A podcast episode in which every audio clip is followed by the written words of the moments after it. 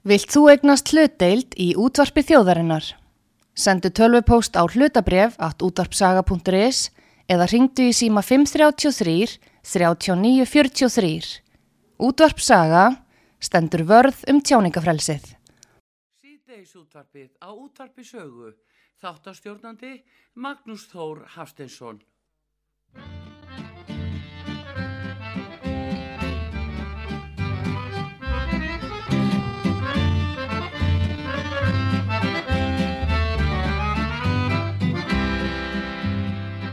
Syngjandi sæll og gladur til síldveða nú ég höld Það er gaman á grímsegjar sundi við glampandi kveldsólaröld Þegar hækkar í lest og hlæðist mitt skip við hávana fleiri og fleiri. Svo landa ég síldinni sitt á hvað á Dalvík og dagverða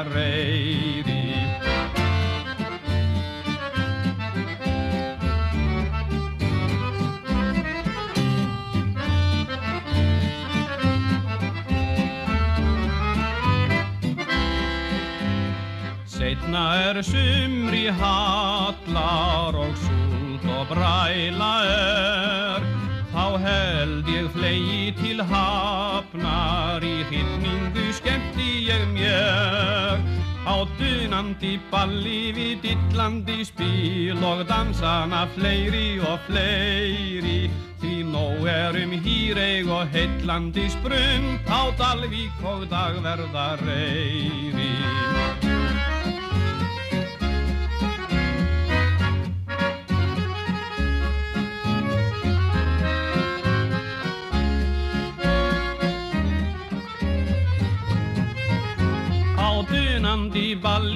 dillandi spil og dansana fleiri og fleiri.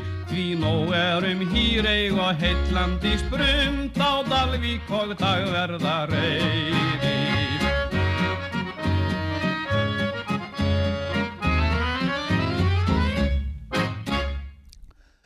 Góðan dag ágætu hlustendur útvarsögu, ég heiti Magnús Stór og þeir að hlusta á sítis útvarpið.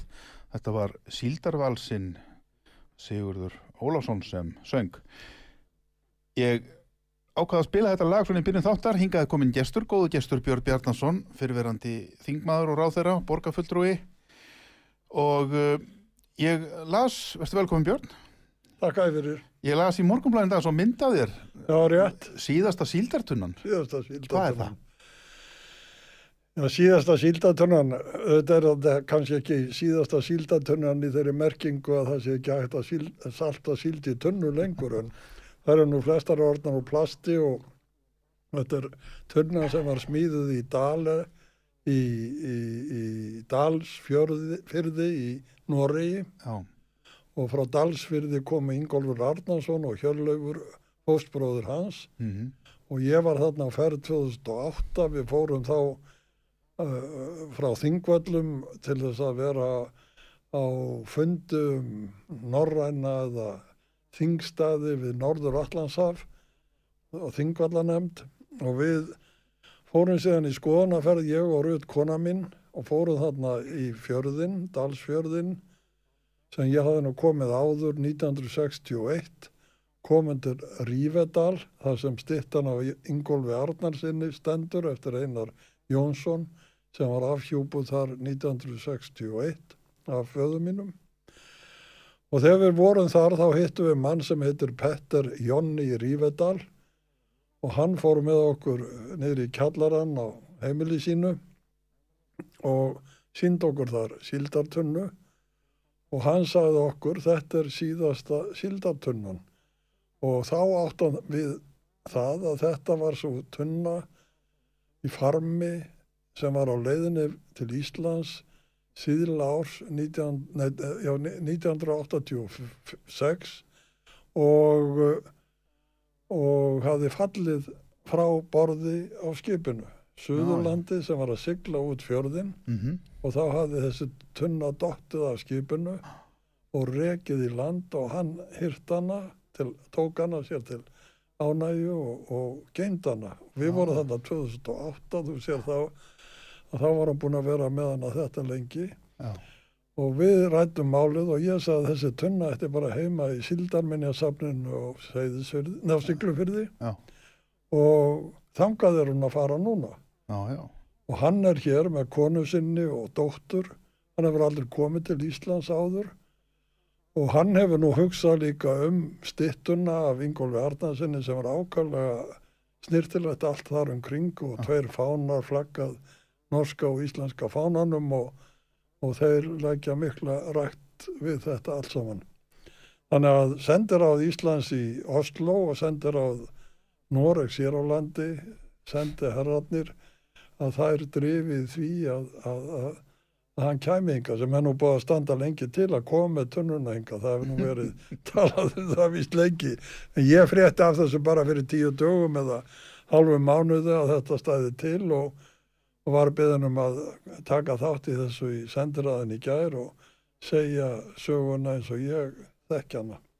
já, já. Ég þekki nú ekki allt hann, ég sé nú í morgunblæðinu í morgun að hann bætir við þarna um Suðurlandi skipið sem fóst síðan skömmu síðar á, á melli Noregs og Íslands með síldarfarm og menn með skipinu nokkur þannig að það er nú sorgarsaga út af fyrir sig og líka í, í kringum ferðina þegar ég fór með fóröldurum mínu til uh, Noregs þarna til uh, Dalsfjörðar 1961 í september með stittuna eða það var verið að afhjúpa stittuna það var hófverð skipulöð hérðan með heklu til uh, fjárðarins til Rífedal og við fengum svo afspyrnu vond veður á leiðinni yfir hafið að það var með ólíkindum og meðal annars þurftum við að sigla á milli eiga í færum svo að menn getur borðað eitthvað því að skipið létt svo illa það var ekki hægt að já, já.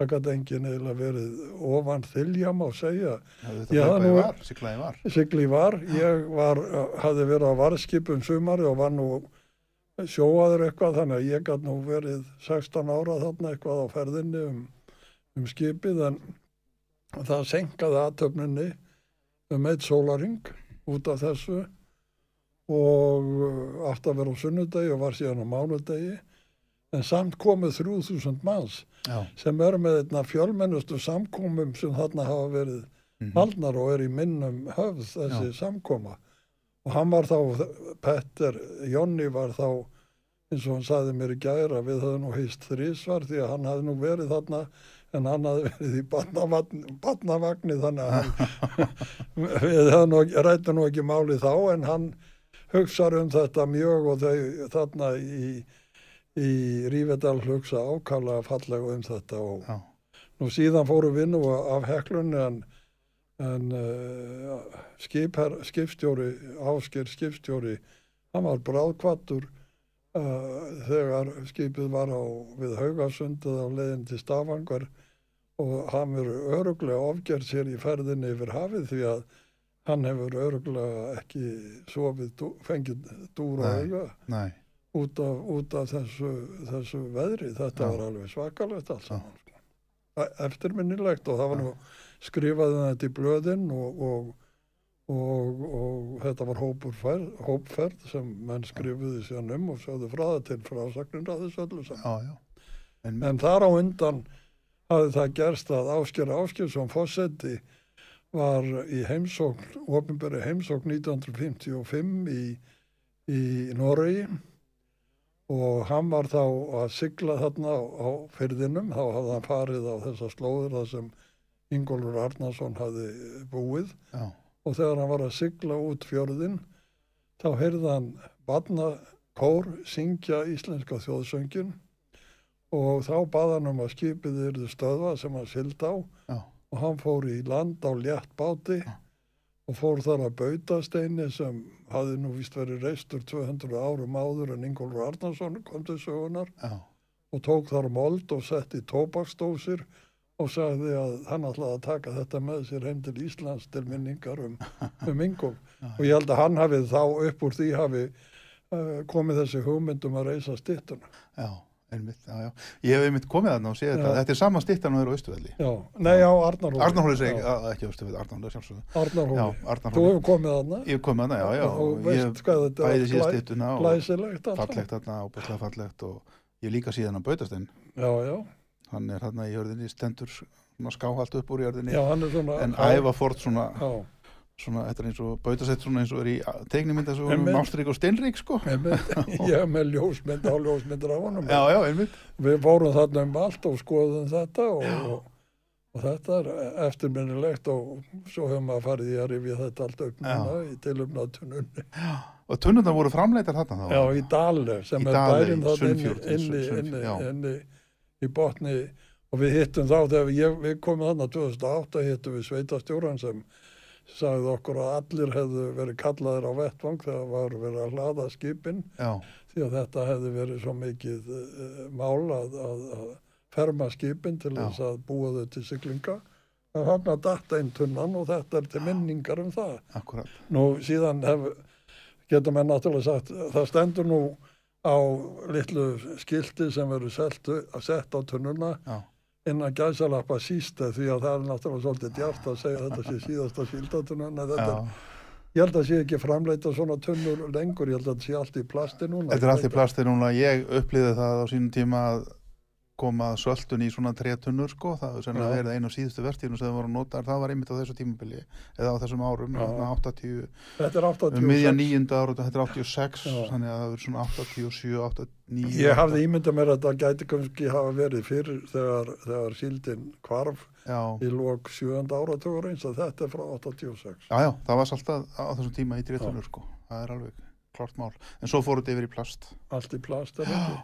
Ég held að séu framleita kannski eða smíðaðar, ég veit ekki hvað að kalla stunnu gerðar, en þær séu gerðar núna meira til sínis og skrauts eða eitthvað Já. hálftunnur eða eitthvað sko. sennilega, sennilega sko nú er þetta allt orðið vélvætt og þessi rómatík sem var er horfin sko, Mhm. síldar, stúlkurnar og allt það Það það er rómatík á það bara stöðum. núna Bæði það sem tunnurnar voru gerðar, akkurat, mannlífi snýrist um þá og síðan þegar að koma hingað Já. þá var þetta svona. Þannig að ég held að, að það sé nú vel þess virði að þetta hafi gerst Mhm. og, og betra að tunna sé hér og til minningar um þetta heldur en í kjallaranum hjá Petti í Jonni. já Petter og, og þetta leggur líka áherslu sko á þessi sögulegu tengsl sem eru sem ég hef nú svona grúskað aðeins í sem eru mjög merkileg sko, það eru norðmenn sem koma fyrstir til Íslands og kenna okkur síld Emmitt, emmitt. og það voru þeir sem settu upp þessar fyrstu versmiður og, og öll þessi vinnubröðu aðferðir og allt þetta er allt komið frá Nóri Já, já. og það er mjög, mjög merkileg Hallgrimur. Helgason var þetta í geiri sendiráðinu Já, og var með þessar tvær þykku bækur sínar og, og þær fjalla nú um þetta Jú, jú. Um, um normenn og svo eru menn að segja að normenn hafi á hvað sex árum kent okkur meira í vinnubröðum heldur en danir í 600 áru eða eitthvað þannig það er að nú kannski svolítið til í því.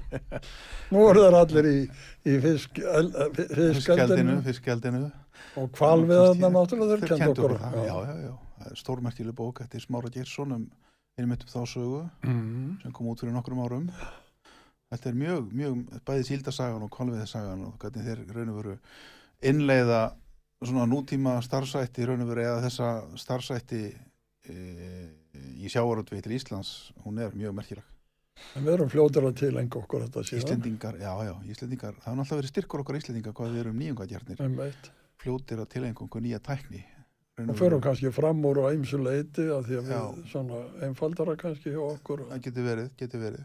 Það er mjög merkilegt sko hvað við erum eldsnögg að taka upp nýja tækni alltaf hreint en hvað um það, mér langaði líka til að spjalla við mannað og það er snorrastofa. Ég sá að þú varst að skrifa á bloggsíðunni þinni björn.is að þú verður að láta á störfum sem um, stjórnarformaðar þar eftir að að verið vera- í fjöldamörg ár. Já, ég, ég var búin að vera eða er búin að vera í tíu ár er nú ekki búið að skipta um stjórn en þá en ég verði ekki aftur í kjöru ef ég má orða það svo. Það er nú sóknarnefnd Reykjóls sóknar sem skipar formann snárastofu já, síðan eru þarna fulltrúar frá borgarbyggð og til skipti Skorradalsreppi og Kvalfjörðaströnd og síðan tveir skipaðar af mentamannráðun eða menningamannráðun eitun og annar þeirra er frá Átnastofnun. mm og ég er búin að vera þarna í tíu ár og var áður í stjórninni frá 2006 þannig að ég er nú búin að vera viðriðin þetta framtak þarna alveg frá því að það hófst því minni tíð sem mentamálar á þeirra og það hefur verið stórkostlegt að fylgjast með því hvernig þetta hefur tekist alls saman því að Reykjolt hefur náttúrulega fengið á sig mjög glæsilega svip undir handar í aðri snárastofu og með sér að ger voga að þá hefur staðurinn alveg haldið öllu sínu og aldrei sinni reist. Já. Það var náttúrulega mikill kvíð í mörgum á tíunda áratögnum þegar við lokuðum hér að skólanum hvað þetta eh, myndi gerast þarna á staðnum en, Mm. en hann hefur þróast, hann er komið núna stórt og glæsilegt hótel og, og byggðar að eflast. Það sem við höfum lagt á ráðinum núna síðustu misserin er það að fá allt skólahúsið sem er nú í eigu ríkisins, fá það allt til leigu og afnota undir uh, starfsemi og vegu snorastofu. Þarna í hluta af húsinu er, er uh, vara eintök uh, landsbókasapsins. Þau voru flutt þarna upp eftir fyrir 20 árum eða svo. Nú er það búið að spreng, húsnæðu orðið of lítið.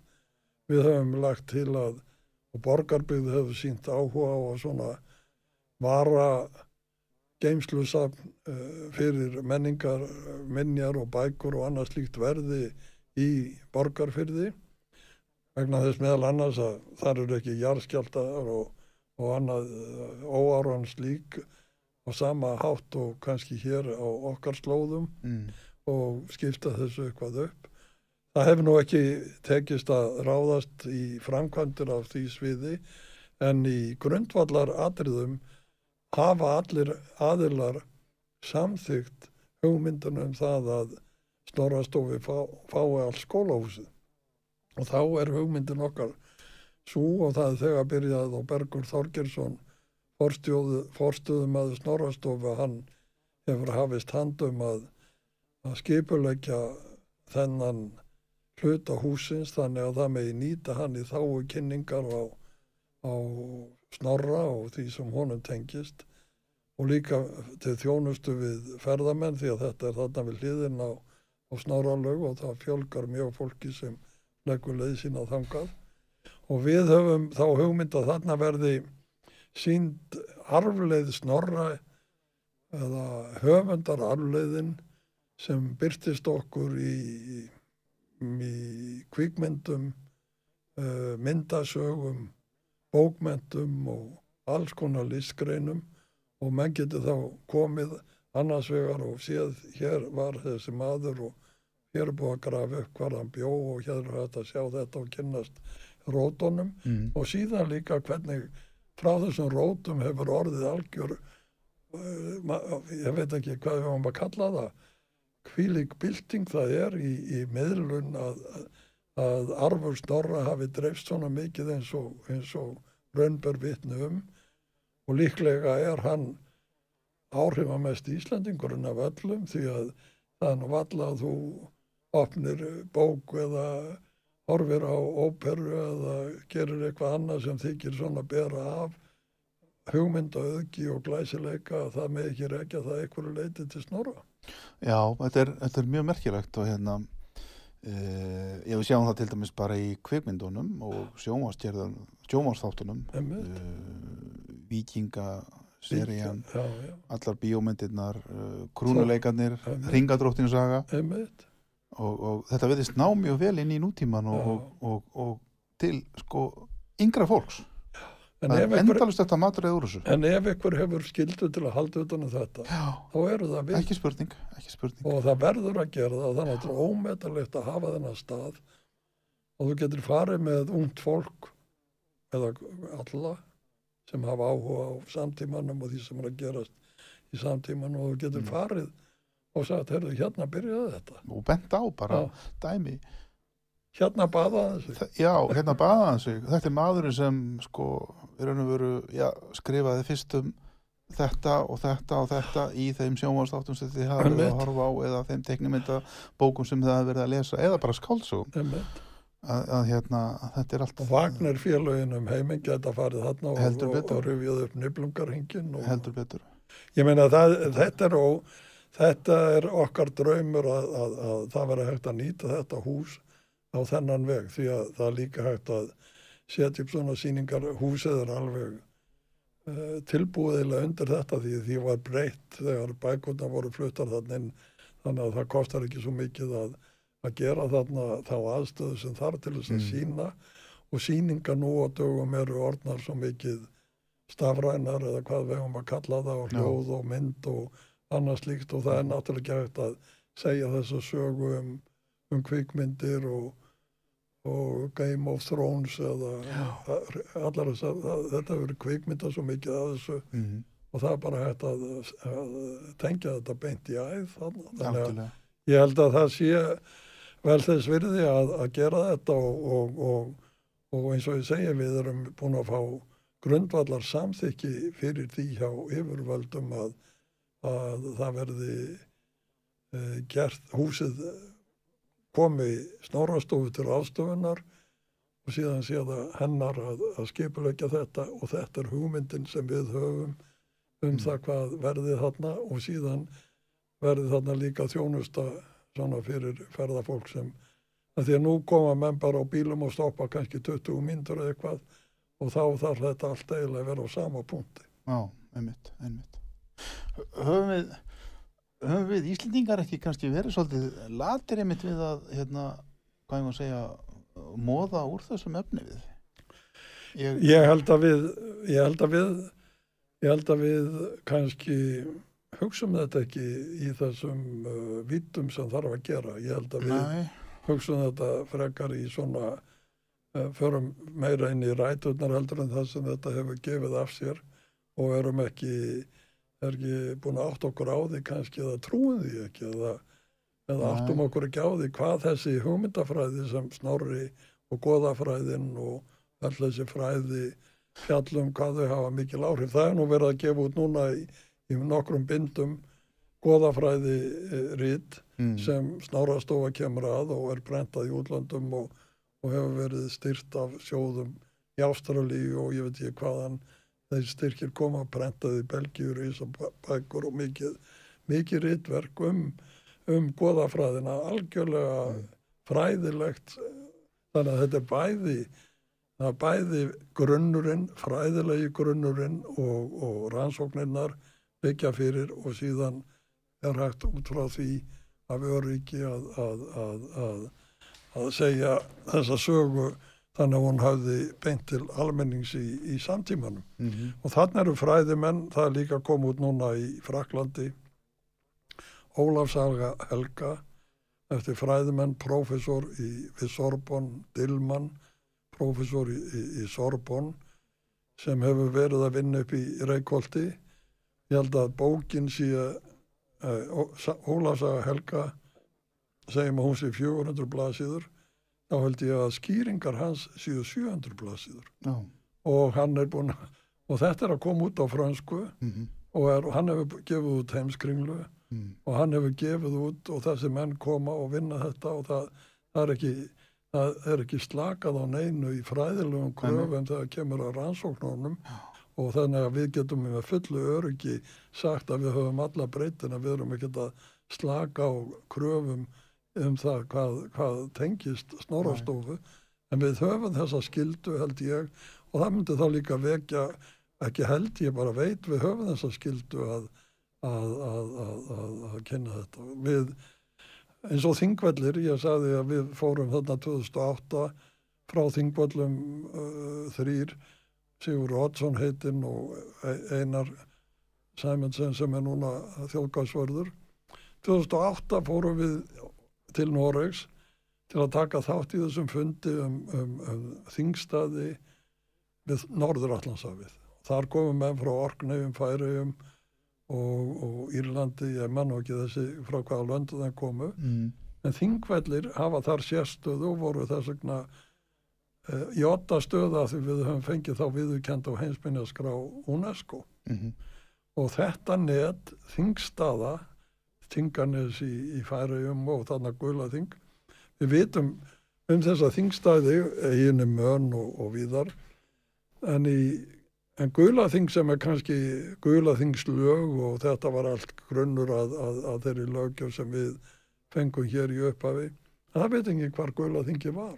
Nei, þannig að gulaþingsmenn og fólki þarna í gula eru að nú veit ég ekki þetta var 2008 ég veit ekki hvað við gert síðan en, en það sáum menn þar líka að þetta er aðdráttarafl. Já, það er aðdráttarafl fyrir staði að leggja rækt við þessa gömlu menningu og þessar rætur. Þannig að og þess vegna er svo gaman að því að standa þessu með, með síldatununa því að hún gefur tilumni til þess að rifja upp Ingólf Arnarsson og allt það sem akkurat hefur Ekki gerst spurning, og, tengi, tengist þessu. Einn trétuna.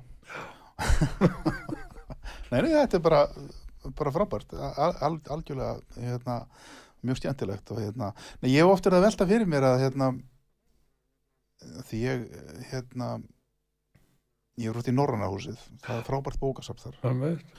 Tek þar oft bækur á láni og, og hérna, fylgjast svolítið við og hefur svona verið að fylgjast með sko, hvernig norðmenn hafa verið að vinna úr þessu öllu saman Mm þeir eru mjög duglir, þeir eru að skrifa sögulegar skáldsögur Einmitt. upp úr snorra, Mhm. upp úr -hmm. þessum konungasögum og öllu þessu og, og, og, og, og ég, ég förða mig sendum á því að því við Íslendingar eigum nú marga góða rítvönda Mhm. hvað mér finnst við vera allt of löt við með þetta, Einar Kárásson hefur gert Mhm. þetta vissilega núna svona Mhm. undanfærin ár en, en þar fyrir utan þá finnst mér við einhvern veginn ekki sinna þessu nógu vel. Normenn eru líka mjög döglegir að gefa út til dæmis hafa að gefa út flatiabók sem var skrifuð hér á Íslandi. Já, já. stórgalæsleitir rítverk sem ég hef reyndar bara séð myndir af. Séð- þeir voru nú síðast að aðfenda Margréti Danadrótningu þetta, ég held að þetta séu fjögur eða fimm bindi. Bergskveit Birgisson, okkar maður hefur komið mjög að þeirri glæsilegu útgáfu. Mhm. en hérna finnst mér við einhvern veginn og segir að það er náttúrulega sá munur að þetta er hlut af okkar eigin arfi. Við erum Já. með þetta hérna, við vitum að við eigum þetta, við eigum Íslandingasögunar við eigum þetta, já, en normin eigum ekki neitt. Þeir eru, þeir ætti ekkert nema við, Nei, fyrir og þeir okkar eru að skrifa sig tilbaka já, já, og þeir eru að reyna að sína fram á og þeir eru líka hlutild í þessu. Þetta er kannski eitthvað samvinskupið þeirra hálfu Nei, ég veit ekki hvort það er saminskapið, þetta er bara, en þó, svo hittir maður normenn, mínir jafnaldrar, eru nú, já, já, þeir eru gamlir rótnir, en þeir, Já, þegar maður hitti þá hérna áður fyrir á alls konar fundum og svona, já, þá fóru þeir alltaf með eitthvað erindur hafamálum og, og, og völu spá sem þeir lært í skólum og, og þótti mjög merkilegt. Sem við, jú, jú, við kunnum að meta þetta en ég held að við lítum bara öðrum augum á þetta og þeim finnst spennand að skrifa sig inn í þennan tíma og, og ná þessu en við einhvern veginn lifum frekar í njálsugu vissi maðurinn sem skrifaði njálsugu eitthvað já, um staðhætti í rámkárþingi eða var hann utan að komandi eða hvernig er þetta? Og já, Egilsaga, hver var höfundur Egilsaga já, við, við erum endalust að ræða þetta meðan þeir eru að átt að segja um hvað snýst þetta eiginlega? Þeir eru að því sko, þeir eru endalust að grafa í þessu og, og, og, og mér finnst þeir gera mjög vel. Ég er hálf öfundað á því hvað, eru, hvað Já, ekki síðustu árum hafa verið að koma út mjög sko flottar bæði skáldusugur og svona almennar fræðibækur. Þar sem þeir eru að vinna úr þessu já, já, eru að skrifa til dæmis um einstaka konunga Núres konunga og tengja þetta sko, þeir fara út fyrir ramman þeir tengja einmitt, uh, sko söguna við aðra atbyrði sem eru að gerast í heiminum á sama tíma. Einmitt, og þá skynja maður að, að þetta hefur það sem gerist í bókum snorra stendur allt í samhengi við eitthvað annað sem er að gerast annars vikingarnir, ef við kallum á vikinga eða þessa fornmenn, þeir lifðu ekkert í einangruðum heimi, nei, nei, nei, þeir voru með tengsl út um allar trissur og, og eins og við náttúrulega sjáum bæði á fornminnjum og öðru að, að þeir voru allstaðar, klaustur rannsóknir steinunar stórumerkilegar já, það er sína náttúrulega opna okkur þá sín að að ströymarnir voru miklu meiri og svo Já. kannski voru við að dragast inn í deilur á milli ykkur kirkju höfðingja og annað slíkt. Og við erum kannski að rannsaka þetta núna mjög forvirtnilegt fyrir okkur að rannsaka þetta. Já, og þetta er eitt af þeim verkefnum sem Snorrastofi hefur verið trúa fyrir að hafa umsjón með og það er, það er rím, það er rít, uh, það, íslenskra miðalda, rítmennt, uh, rítmenning íslenskra miðaldara já, sem var nú verið að veita styrki eða er verið að veita styrki held í þriðja sinn Já. sem er einmitt að rannsaka þetta meðal annars og tengist rannsóknunum á þingærum þar sem Steinun Kristjánsdóttir er núna að grafa upp og, og það sem klaustri stóð og, og klausturansókn hennar á, á skriðuklaustri opnaði náttúrulega nýja sín á margt já, og svo kemur í ljós að eðileggingin eftir síðaskiptin var svo mikil að, að það er kannski fyrst núna sem við erum átt okkur betur á því heldur en okkur sinni fyrir. já, já, einmitt. Það er einmitt það, já. Já, við verðum að taka smá auglýsingal hér núna. Góðu gest, góður hlustendur, hjá okkur er Björn Bjarnason, fyrirvændi þingmaður og ráþæra. Við höfum verið að ræða hér ímislegt tengt menningunni. Eh, við tökum stutt hér.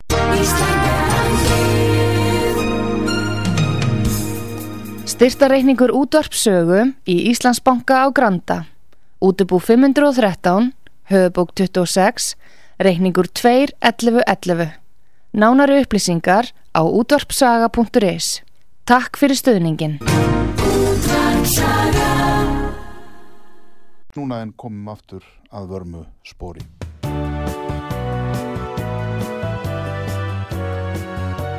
Síðdeis útvarpið á útvarpi sögu.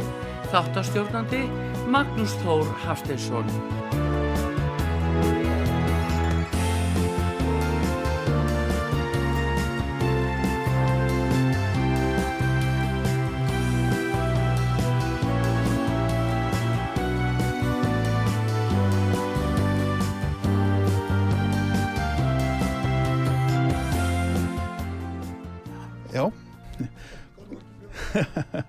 Já, góður hlustur. Ég heiti Magnús Þór Hafsteinsson. Við erum hér í síðdeis útvarpinu á útvarpisög og hjá okkur er Björn Bjarnason, fyrirverandi þingmaður og ráþeira. Við vorum hér áður um fórum í auglýsingalhið og svona spjall að tala um uh, fortsögurnar, vikingana, allan þá miklu arlið og uh, já, Björn, vikingarnir, þeir fóru nú víða eða ég veit ekki hvort við höfum að kalla á vikinga eða hvað, þetta voru nú kannski bara saklausir kaupmenn að mestu leiti en, en hvað um það um, þeir sóttu meðal hans í Austurveg þeir Fornagarðaríki og allt það það sem nú loga eldar og friðar Já, það er rétt. betur. Mér langaði svona aðeins í setjum hlutanum til að tala við þig um það stöðuna þarna í Úkrænum þú hefur nú fylst með alþjóðamálum um margar áratöfa skeið og, og eh, ert sérfróður um margt þar Eh, hvernig myndur þú meta stöðuna núna? Mér sýnist allt stefna í langvinna baráttu þarna. Ég, eins og þeir menn sem ég tek marka og, og er að tala um þetta, þeir segja að menn eigi að búa sig undir langvind stríð og það verði engin breyting nema að það verði eitthvað breyting í Rúslandi.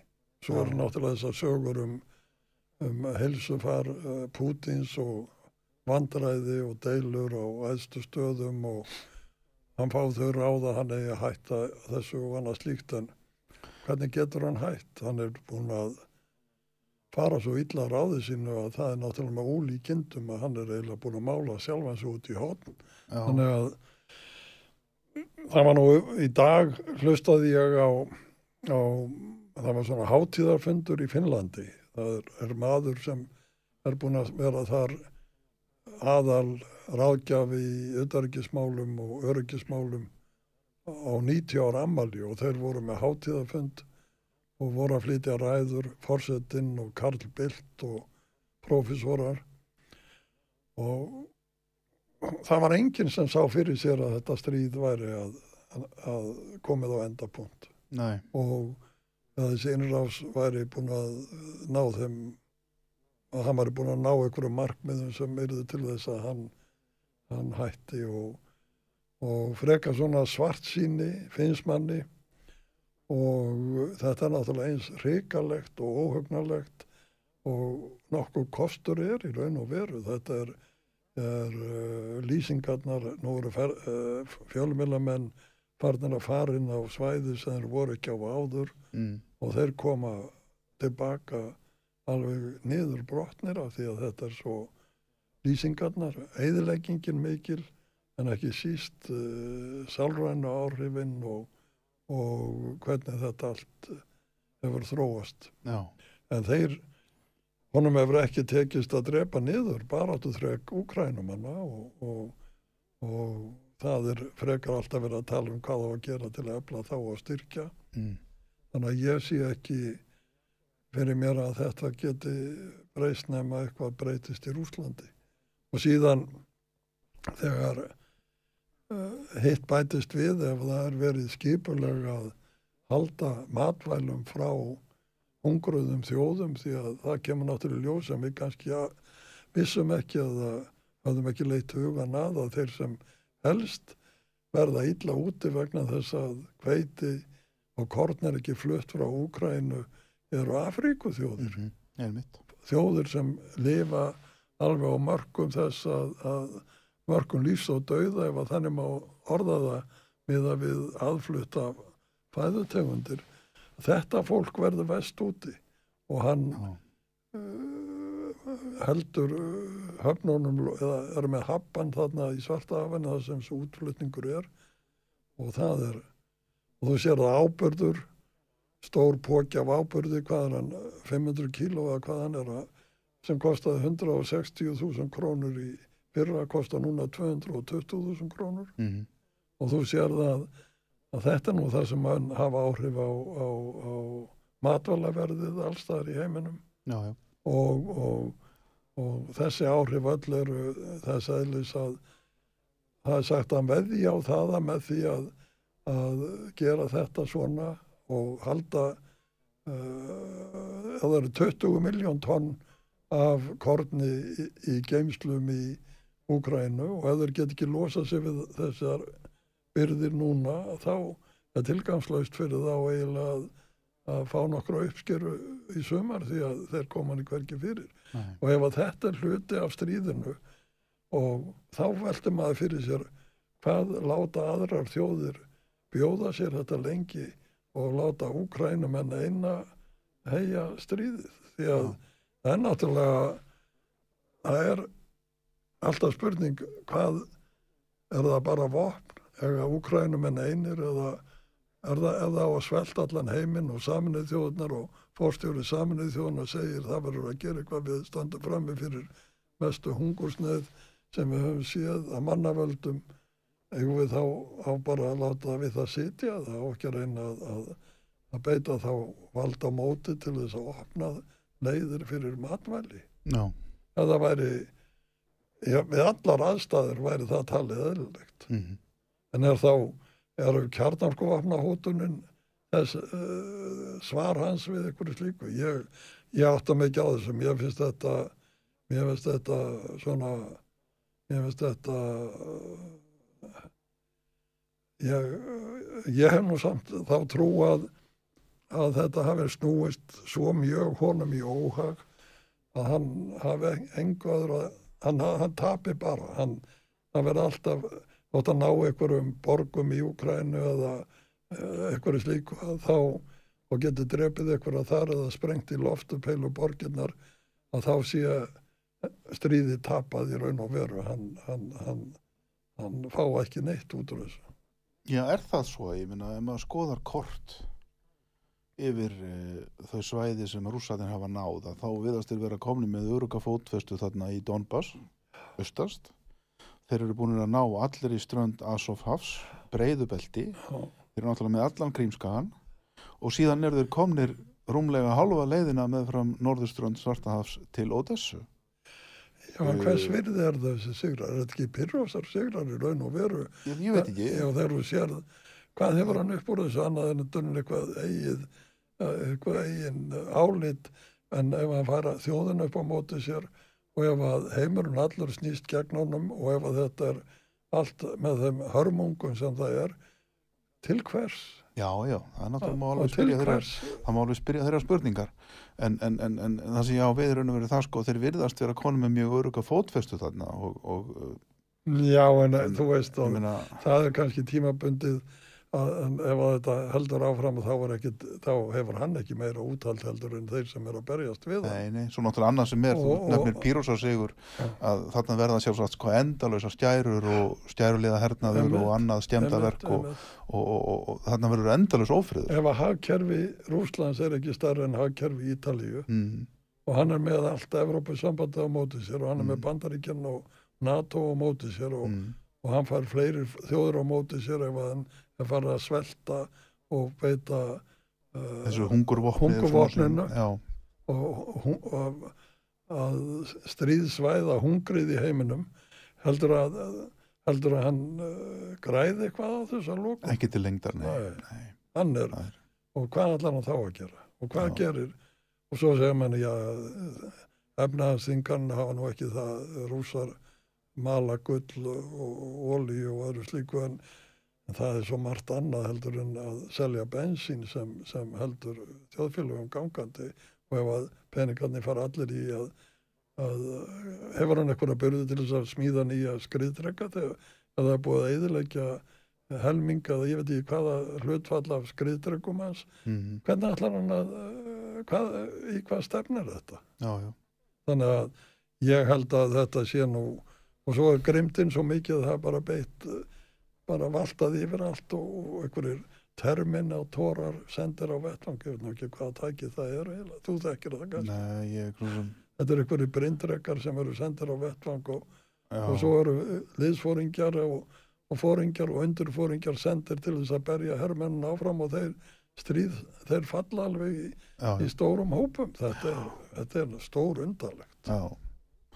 Það er það að þessi og ef hann er fann að handstýra stríðinu sjálfur já, eins og sagt er að hann sitji eins og Hitler gerði já, bara sitji og segja við förum þarna og þarna og þarna þá er þetta náttúrulega komið í mikið óefni. Já, já. Uh, Svíjar og Finnar þeir ætlað ganga í NATO. Þeir alltaf gangi NATO og það var mjög fróðlegt að heyra þetta þessi erindi síðan var að segja frá ég hlustaði bara á og var svona fjárfundur sem ég var búið að hlusta þetta á og það, þetta er ég meina ég held að við gerum okkur ekki grein fyrir þeim stakka skiptum sem er það með þessu. Nei, við vorum að tala um Norðurlöndin, Norræna arfin. Mm, þetta er í fyrsta sinn í 600 ár sem Norðurlöndin öll eru, eru saminuð í, í, í, að, að, frá því að Kalmarsambandið já, hvarf úr sögunni, bara 1523 eða hvernig sem það var að þá hafa Norðurlöndin aldrei verið undir sama hatt í öryggismálum. Fyrir núna. Nei, og hvað, hver er afleðingin af því?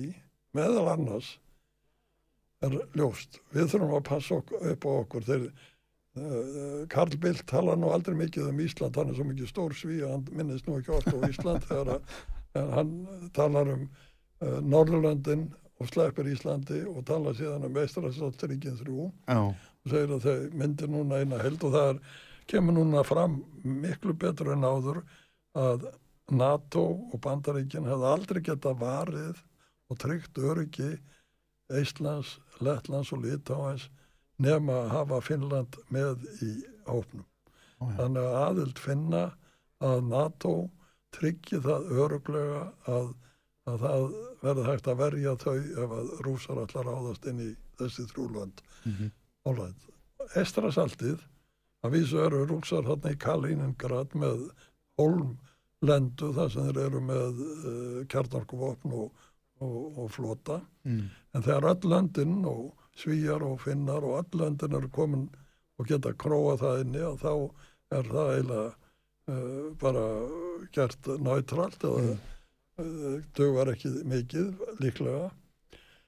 Svarta hafið eins og það er en þá er bara ein leið það eru norðurslóðir og það er norðurflotin og það er siglingaleiðin hér. Og allt mun þá og, og þeir halda áfram einhverju flota uppbyggingu. Og mun öll verða hér í kringum okkur í raun og veru. Mhm, því að það er ekki landamær á milli okkar og nei, og þeir eru að gera tilraunum með stýriflögur og annað slíkt. Þess að ef þeir halda áfram að ógna með þeim hætti sem gert er og sagt ég við ætlum bara að beita öllu því afli við erum að gera tilraunum með þessa tegund af, af, af, af stýriflög og þessa tegund og suma draga þúsund kílometra aðra draga þrjúðusund kílometra og það er verið að skjóta þessu núna í Barentsaf var og laugadaginn tilraun með einna og svo eru aðra lengri þá er bara verið að sína fram á og, og menna ekki að taka þetta öðruvísu heldur en það er. Það er verið að sína eitthvað sem vopn og kallinn sínir að hann er tilbúin að beita þeim. mhm, Það er það ógnarlega. mhm, Það er, og þess vegna sagt líka núna þetta er miklu verri tími núna heldur en í kaldastriðinu og það er miklu meiri harka á milli eh, gagva, eh, í Rúslandi og milli Rúslands og annar ríkja heldur en nokkru sinn í kaldastriðinu. Það var aldrei í kaldastriðinu gripi til svona viðskipta þingana og það var aldrei í kaldastriðinu ráðist yfir landamæri annars ríkis og trafkað á, á fullveld og sjálfstæði annars ríkis. Þetta er ekki, þetta er ekki hægt að líka sem fyrir kaldastriði, þetta er verra ástand. Þú segir það alveg reynd út. Já. Þetta sé verra ástand. Já, Já. það er verra Já. ástand. Því að kaldastriði var þó, var þó pattstaða eða jafnstaða og menn vissu að það voru ákveðna leikreglur. Mm. Núna vita menn ekkit hvaða leikreglur eru. Nú Nei. vita menn bara að það er einhver maður sem ræður yfir þessum ógnavopnum sem er tilbúin að beita þeim. Mm. Og, og, og, og, og það var aldrei, við stunduðum viðskipti við Sovjetrikinn alla, allt kaldastrið alveg frá 1952 og 3 oljuviðskipti Mm. og það var alltaf, við gerðum það í gegnum alla þennan tíma. Núna er verið að tala um það að vísu segja það er ágreiningurinn Evrópusambandsins varðandi oljuviðskiptin meðal annars þá segja menn og það sagði einn þarna í dag svo ég vitna nú enn í þennan fund Mm. þá sagði einn munum Patton lögmálið og Patton lögmálið sagðan er það að Patton sagði þú skalt aldrei grípa til þess ráðs að þvinga anstæðingin þinn með þeim hætti að það skadi sjálfan þig meira Mm. og þessi prófessor sagði það má nota þetta í þessum oljumálum og gasmálum að Evrópusambandi verður að gæta sín það má ekki loka þannig fyrir uh, elsneiti Mm. frá Rúslandi að það verði sjálft fyrir meiri skada því heldur en rússar og það verður að sína skynsemi hans að ég er hlindur efnahagsþingunum Mm. en ég bara minn ykkur á pattanlögmálið gerið þið ekkert eh, anstæðingum ekkert sem veldur ykkur sjálfu meiri skada Já. hafið það í huga og hann sagði þetta um þetta snýrist meðal annars ágreiningurinn innan Evrópusambansins núna og, Já. og en svo segja Íslendingar og eisneski fósettisráðurann verðist nú vera hörðust af öllum því hún rópa bara upp hvað er það að ringi Pútin akkur er það að tala við Pútin við fósettisráðura Ítalíu og fósetta Fraklands akkur er það að tala við Pútin hann lígur bara að ykkur Mm. og, og ég meina það er nú eðlilegt að menn séu ósamála um svona stóra hluti í svona stórum málum en að lokum leggur náttúrulega Európusambandi áherslu á að komast að einn af sömu niðurstöðin en, en hún það verður leiðtóa að fundur það núna og það verður spennand að sjá hvað kemur út úr því Já. þannig að þetta er þetta er ekki þetta er ekki eh, góð staða Nei. Hvaða lendingu varðandi í Svíþjóð og Finnland, hvernig uh, hvaða lendingu sjá menn fyrir sér þar? Nú hafa Tyrkir eða Erdogan sett svona ákveðna fyrirvara ég hef bara sagt að þeir þurfi ekki eins og að hafa samband við sig því hann munum segja nei hann var eitthvað verið að reyna að þeir við hann verið í viðræðu Já, já, þeir eru að reyna að tala við hann, tala hann Já. til en hérna um, er, er, er til einhver flötur á því máli? Gætu til dæmis Tyrkir setið hjá? Þeir geta setið hjá, já, já, þeir, bara þeir sem greiða atkvæð á móti Já, geta felt. Það getur verið að hann sé að gera sér mjög merkilegan, er nú búið að stilla sér þannig upp að það verði helst að afgreða þetta leitofundi sem verður af- núna í loku júni í Mm. Madrid. Það getur vel verið að hann vilji draga svo mikla aðtikla sjálfum sér. Hann er náttúrulega svona, hann er náttúrulega svona forræðishyggju stjórnmálamaður sem þarf alltaf að vera í sviðsljósun út af ykkur hann sé að augra ykkurum öðrum. Hann er svona, Já, já. hann er svona Pútín, svolítið Pútínlegur og að, það er svona kannski líka að hugsa svolítið um sitt bakland og Já, lýsa sig og sína að sér sterkulegt Ég segi og svona, það. og, já, já, að því hann er svona með Já, já. einræðis hann hefur komist langt á því. Já, einmitt og hann er að nota þetta. Já, já, og það er náttúrulega allþekkt í alþjóða fjálþjóða uh, samtökum að það geta alltaf verið ykkur svona naglar sem taka ykkur mál í gíslingu til þess að slá sjálfum sér upp heima fyrir Já, og var í taugarnar á öllum öðrum og spilli fyrir. Einmitt. En uh, mér finnst það bara eh, ég, ég held að ég held að þetta mál hefði aldrei farið svona langt ef að þeir var í samfarunum það innan NATO að, að það er ekki samþygt að bara teku sinn tíma eins og, eins og alla niðurstöður sem líðræði ríkir að að gefa því tíma. Þótt að hann stjórna ekki endilega líðræðislega Erdogan að þá notar hann sínar aðferðir á líðræðislegum vettfangi sem, sem er heldur óskemmtilegar sko. En menn vita það í sjálfur sér já að eins og þú bendir á að, að þessu hefði ekki verið hleyft svona langt nefn að menn teltur sig að vissu fyrir því að þetta færi í gegn. Nei, Ég, það var náttúrulega áliðsnekkir fyrir NATO ef þetta jú. færi ekki í gegn. Og missaði randlit. Jú, og líka fyrir stjórnin Svíþjóð og Finnland Ekki spurning. Já, já. og, og, og, og fórseti Finnlands sagði, ég talaði við Erdogan fyrir tveimur mánuðum og Mm. þá sagði hann já, já, já, gott og vel svo erum við núna konum við þessa stöð og þá sér hann neina, ég veit en ég menna, sér hvernig þetta er Já, já.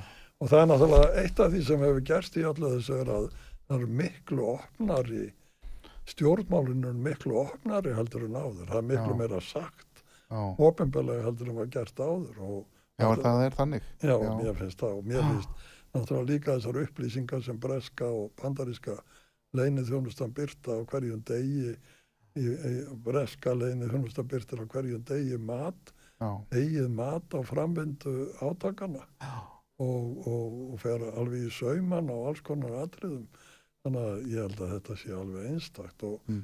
og, og, og, og náttúrulega fórseti Úkrænu, hann er, ég meina að standa svona uh, dag eftir dag, nótt eftir nótt og ávarpa þjóðþingum heim allan og nú allan ávarpa leðtóa ESB-ríkjana og, og ég meina að þessi maður, hann er náttúrulega haldið þessu, þetta hefur skapast eitthvað neginn uh, þannig að menn, menn finna að þeir eru hluta af ykkur sem er ríkvæður að gerast já þessi stríð þau færast einhvern veginn alltaf nær og nær einhvern veginn. Verða, og myndirna náttúrulega og allt þetta já, það byrjaði kannski í persóflóðastriðinu sínum tíma þegar CNN Mhm. voru með beinar útsendingar frá Bagdad eða hvað annað var. Og heimurinn horfið á. það er merkilegt að sjá hvað sjóvarstóðarnar í heiminum hafa lagt áherslu á það að senda sína þul í alla til Já, líf eða senda þá þarna þannig að þeir hafi þannig bakgrunn og, og sína að þeir séu í beinum tengslum við stríðið. Þetta er, þeir standa þarna og, og, og, og þetta eru menn sem að sér yfirleitt bara inn í, í þularstofunni sko. þeir eru komnir þarna á, á vettvang. Já, og þetta er eitthvað líka þetta færi mann svona nær þessu. nær já, þessu. Já, já. Munu áttu vonað því að NATO muni koma sér upp einhvers konar herstöðum í Finnlandi og Svíþjóði að munu menn svona frekar alltaf reyna að tóna þetta svolítið niður? Alla verði ekki svona svipu staða eins og í Noregi var? Verða að breytast þar núna en í Noregi? Noregur gekk í NATO 1949 með þá þau skilir því að það er ekki erlendar hefstaðar þar á friðatíma og ekki kjartanguvapn og ef það eru samilegar æfingar þá færður ekki nær rúsnesku landamærunum heldur en þúsund kílómetra eða hvað þetta Mm, var. mhm, og mér heyrðist nú eins og svíjar og finna talið þannig núna að það hafi verið skrapað fordæmi sem þeir geti nýtt sér að, að við eðlilegar aðstæður að þá, þá þurfi ekki að vera herstöðar í, í Finnland eða, eða nei, og þeir hafa, rússarnir hafa sagt Lavrov sagði það breytist ekkert. En sagði ef það breytist ef það koma nýjar herstöðar ef það kemur eitthvað að þá munum við grípa til uh, gagn aðgerð og þetta sagði Putin líka. Mhm, Nú við Íslandingar ákvaðum strax að við myndum ekki uh, við sögðum að það ætti ekki að vera hér herstöður á friðatímum en keflaugustöðin var opnað og síðan voru lengi deilur um það hvað, hvað hugtaki friðatímar týttu en, en við sköpuðum ákvæmna hefði því í, í alla þennan tíma frá 51 til 2006 þannig að, að það eru en mér finnst merkilegt að að, að bandaríkjaman hafa farið þess að leit við, við Dani að fá að hafa stöðvar þar. Mhm, og ég heldur séu fartin að flytja einhverja flaugar til Borgundarhóls og rúsarnir voru mjög reyður yfir því en þeir eru heldur búin að koma einhverju, einhverju varnarkerfi upp þar Mhm. og síðan er þeir að breyta Esbjörg í stóra mótökuhöfn fyrir herafla frá bandaríkjónum og annar staða frá herafla sem erði, erði notaður til þess að fara skriðdregvana sem eru notaður til þess að fara með strönd Eistrasalsins yfir til Eistrasals ríkjana. Já, Þannig að Esbjörg er verið að breyta í, í, í mótökuhöfn fyrir stór hergögn og herflutninga frá bandaríkjónum og, og það er uh, verið að teikna þetta upp og þetta er, er allt í, í, í burðarliðnum. Þannig að Danir er að verða miklu meiri þáttakendur í NATO heldur en nokkru sinni fyrr og það er út af því að, að, að þegar við hugsaum um, um eistrasaltið þá þarf að þá er ekki sama að fara í gegnum Rotterdam eða Antwerpen og flytja hergum þaðan til Þýskalands og, og það er stittra og, og, og örugar að fara með það í gegnum Danmörku. já, já. Þetta er að gerast og síðan að í færaugum að þá á að fara að endurrausa ratsjálfstöðina og, og, og það er í, í að gerast þannig að það er verið að, að byggja upp allt hér á, á Gætu við áttu vonu á einhverju hér á Íslandi? Já, við erum náttúrulega með ratsjálfstöðarnar og við erum með Keflavík og það eru ákveðna framkvæmdir þar. Það er búið að auka húsrými til að taka á móti vönnum sem gista og koma í þessum, þessum reglulegu skiptiflugum. Mm og hvað meira, það kemur í ljós. En síðan þessar sprengjuvélar sem voru hér í, í, í fyrra, Bíja komið frá Englandi eða Breitlandi já, já, já, komu, B2, já, B2 komu frá eh, Bandaríkjunum, voru hér í þrjár vikur sem þótti mjög merkilegt. Já, já. þannig að við erum og, og ef þeir eru búin að tryggja svona eistrasaltið Mm. þá held ég að komi næst röðin að því að tryggja betur á norður Allandshafinu Já, ég meina að þeir eru að tryggja þeir eru búin að tryggja svartahafið Mm. eins og geta nema rúsarnir eru þar með þess sökva nú þeim skipum þar sem þetta eftir í hug. Það virðist vera Og að geta, geta gert það. En, en, en eistrasaltið að þá er það norður Allandshafi næst sem, Já. sem og breytar hafa skrifað uh, það kom út mikil skýsla nýlega frá alþjóða hermálastofnun í London um gíukliðið já, og svona skýslur og svona úttektir sem eru gerðar af fræðumönnum og, og, og rannsóknar hugveitum að þær eru oft grundvöllunni síðan fyrir inn á pólitísku ákvarðanir Já. og þegar maður sér svona skýslus og þessa þá veit maður að, að í Breitland eru menn að velta fyrir sér hvað þurfum við að gera til þess að tryggja öryggi í gífukliðin og hvað þau fara langt norður.